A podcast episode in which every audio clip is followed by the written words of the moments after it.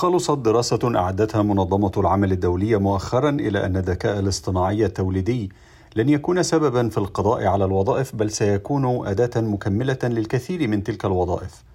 وتشير الدراسة إلى أن التغيير سيكون على صعيد جودة الأعمال والوظائف، حيث سيكون هناك تركيز واستقلالية أكبر أثناء أدائها باستخدام أدوات الذكاء الاصطناعي التوليدي. ولكن ما هي طبيعة التطور الذي طرأ على الذكاء الاصطناعي؟ وكيف حدثت هذه الطفرة في الفترة الماضية؟ وهل يسير التطور بشكل يمكن أن يخرج عن السيطرة؟ أسئلة نطرحها على ضيف أخبار الأمم المتحدة الدكتور أشرف درويش أستاذ علوم الكمبيوتر أهلا بك دكتور درويش في البداية ما هو الذكاء الاصطناعي الذي نتعامل معه في الوقت الراهن؟ طبعا يجب أن نفرق في البداية ما بين ال traditional artificial intelligence أو الذكاء الاصطناعي العادي وما بين ال generative artificial intelligence أو ما يسمى الذكاء الاصطناعي التوليدي. الذكاء الاصطناعي العادي هي تقنيات نستخدمها نعتمد فيها على مجموعة من الخوارزميات لعمل مجموعة من المهام أو ال tasks زي إن أنا بعمل prediction بعمل ما يسمى classification يعني أنا لو عندي صور ل patients واحد في حالة كوفيد بنقدر قدرنا نحدد هل هو infected ولا مش infected ده اللي بسميه ال classification ال prediction بقدر من من ال history أو من ال data بتاعت ال patient بقدر بعمل prediction بمرض معين أو بقدر أتنبأ بحدوث مرض معين من خلال معالجة الصور أو الأشعاعات المختلفة ال MRI CT إلى آخره يعني. يعني كان ممكن تقدر تقول إن في وقت كوفيد بيحصل في بعض الدول معينة انتشار الوباء بشكل سريع. هذا ما يسمى بناء الكلاستر. إن أنا بشوف مجموعة من الدول عندها نفس الخصائص. أما الذكاء الاصطناعي التوليدي وهو حديث وظهر يمكن من 2020 والناس بتتكلم من 2021 حتى هو يعتمد على في الأصل على معالجة اللغات الطبيعية أو ما نسميه natural language processing هو في الحقيقة يعتمد أو يعتمد على ما يسمى الموديل الجديدة للذكاء الاصطناعي التي تعتمد على بيانات مخزنة يتم تخزينها بشكل ما بيانات كبيرة ضخمة تأتي من مصادر كثيرة ممكن من مقالات ممكن من ال ال الويب انترنت كل حسب مجاله يعني. يتم تخزين هذه البيانات بيتم تدريب الموديل بشكل ما على الإجابة على الأسئلة في شكل أسئلة موجهة من اليوزر أو المستخدم لهذا لهذه النظم تعتمد على اللغات الطبيعية أو اللغات التي نتحدث بها. يستطيع هذا النموذج من الذكاء الاصطناعي وهذا التصنيف الرد على الأسئلة المطروحة عليه من خلال البيانات أو المعلومات المتوفرة لديه الخوارزميات بتاعته قادرة على إنها تطور نفسها وتحسن من أدائها. بتقل أو بيهدد عدد من الوظائف الحقيقة. أو نستخدمه في حاجات كتير جدا منها شغل ال HR أو ال human resources إدارة الموارد البشرية على سبيل المثال. مجالات كتيرة ممكن استخدام الذكاء الاصطناعي حتى في التسويق يعني. إذا تحدثنا أولا عن الفوائد التي يمكن أن نجنيها من استخدام الذكاء الاصطناعي وخصوصا هذا الشكل الجديد وهو الذكاء الاصطناعي التوليدي. كيف يمكن توظيف هذا الذكاء الاصطناعي التوليدي لتحقيق أكبر فائدة ممكنة؟ صحيح سؤال رائع بشكر حضرتك عليه. طبعا الذكاء الاصطناعي التوليدي ليه نماذج مختلفة موجودة بقت موجودة. يمكن حضرتك الرقم مش يعني ده حقيقة زي ما الأبحاث بتقول والمراجع بتقول إنه في حوالي 102 tools مختلفة دلوقتي هي مبنية على الذكاء الاصطناعي التوليدي. أهمها أو أشهرها ما يسمى الشات جي بي تي جنريتيف ريتريند شات جي بي تي ترانسفورمر شات من كلمة شات G generative PT P for pre-trained تم تدريبه بشكل مسبق يعني T for transformer فده أشهرهم ل tools كثيرة تعتمد على الذكاء الاصطناعي التوليدي. حتى يمكن حضرتك في الصحافة والإعلام بدأوا إنهم يعتمدوا على الذكاء الاصطناعي التوليدي في إعداد المقالات والأخبار وإلى ما إلى ذلك. في نفس الوقت معالجة العديد من الصور الحقيقة أو ب ب ب يعني بتتعامل مع الصور بشكل مختلف لكن هنا يجب أن نحذر من التزييف العميق الذي ممكن أن يؤديه أو يوفره الذكاء الاصطناعي التوليدي. لكن استخدامات ووظائف كتير هو بيساعد فيها الحقيقة. سمعنا الكثيرين يتحدثون عن سيناريوهات تقترب من أفلام الخيال العلمي.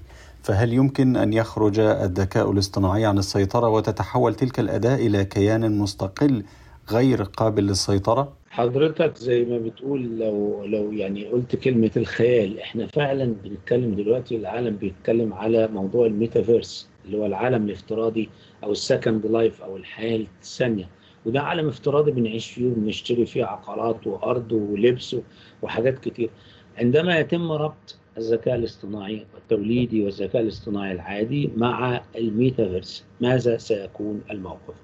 آه طبعا في أكيد خطورة.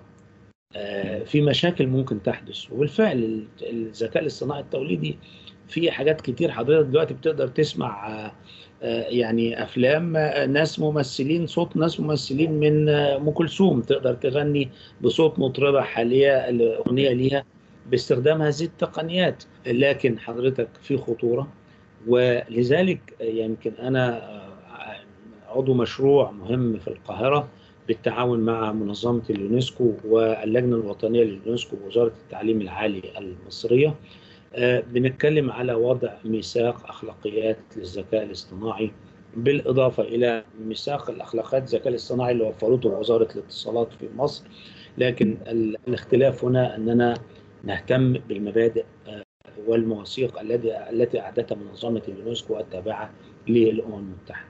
هذا جزء فاصل ومهم وده دور بقى يعني بتتبناه منظمة الأمم المتحدة وده حاجة حقيقة رائعة وأنا شفت حاجات عاملين منظمة الأمم المتحدة ميثاق لأخلاقيات الذكاء الاصطناعي من خلال منظمة اليونسكو لأنه هنا بيتردد سؤال دايما هل نوقف الذكاء الاصطناعي؟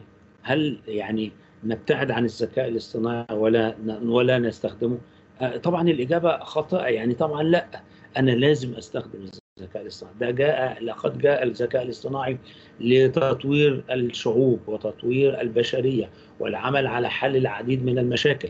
فالذكاء الاصطناعي له دور نبيل وله دور مهم جدا ودور مسؤول.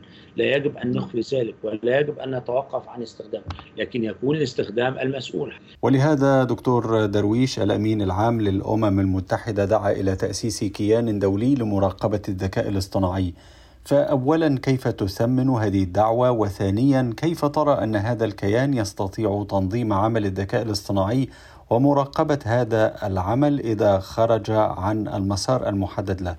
أحيي مبادرة المعالي الأمين العام للأمم المتحدة على هذه المبادرة في التصدي لإيقاف أو أو مواجهه أخطار الذكاء الاصطناعي. لكن هنا ما أطلبه أو أؤكد عليه هو يجب أن يكون هذا الميثاق أو هذه المبادرة تلتزم بها كل دول العالم وتوافق عليها وتقر هذه المبادرة أو هذه أو هذا الميثاق بيبقى في دور للتكنولوجي كمان إنها تساعدك في إن الدول تلتزم لأن أنا ممكن أستخدم تقنيات زي ال blockchain technology أو بيسموها سلاسل الكتل في إن أنا أتابع القرارات دي وعمليه تنفيذها في هذه الدول بحيث إن أنا ألزم هذه الدول بهذه القرارات. من المقرر أن يجتمع قادة العالم في مقر الأمم المتحدة في أيلول سبتمبر لحضور قمة أهداف التنمية المستدامة. سيتم أيضا التحضير لمؤتمر قمة المستقبل، فكيف في رأيك يمكن الاستفادة من هذا التجمع الكبير قبل قمة المستقبل العام القادم على صعيد الذكاء الاصطناعي؟ سؤال يعني بحيي حضرتك عليه وطبعا بحيي يعني إن شاء الله يكون اجتماع موفق يعني نتمنى له انه يخرج بمخرجات وتوصيات تساعد على التصدي أو التحكم في الذكاء الاصطناعي.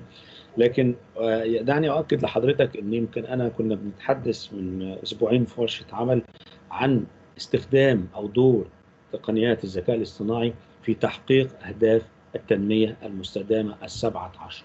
حضرتك يمكن الذكاء الاصطناعي من أول يعني جول أو أول هدف من أهداف التنمية المستدامة يلعب دورا مهما في تحقيق أهداف التنمية المستدامة. كنا بنتكلم على هدف هدف. حضرتك لما تتكلم على التعليم الذكاء الاصطناعي له دور في التعليم. والقضاء على الأمية أو محو الأمية الوصول إلى المناطق الآنية عن طريق التعليم عن بعد أو بطريقة ما. حضرتك تتحدث عن جامعات الجيل الرابع الجامعات الذكية. حضرتك تتحدث عن ربط الذكاء الاصطناعي بالميتافيرس في التعليم.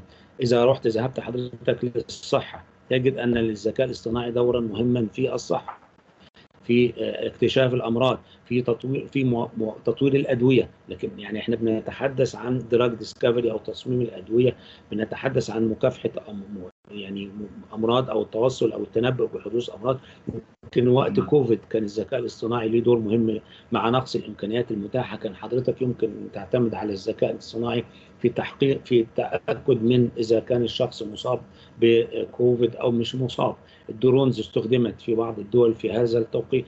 إذا اتكلمت عن حضرتك الزراعة فأنت بتتكلم على الزراعة الذكية أو ال smart agriculture أو الري الذكي. ده أحد أشكال يعني الزراعة الذكية. واهدار المياه وهذه القضية أنت عارف قضية المياه قضية مهمة جدا.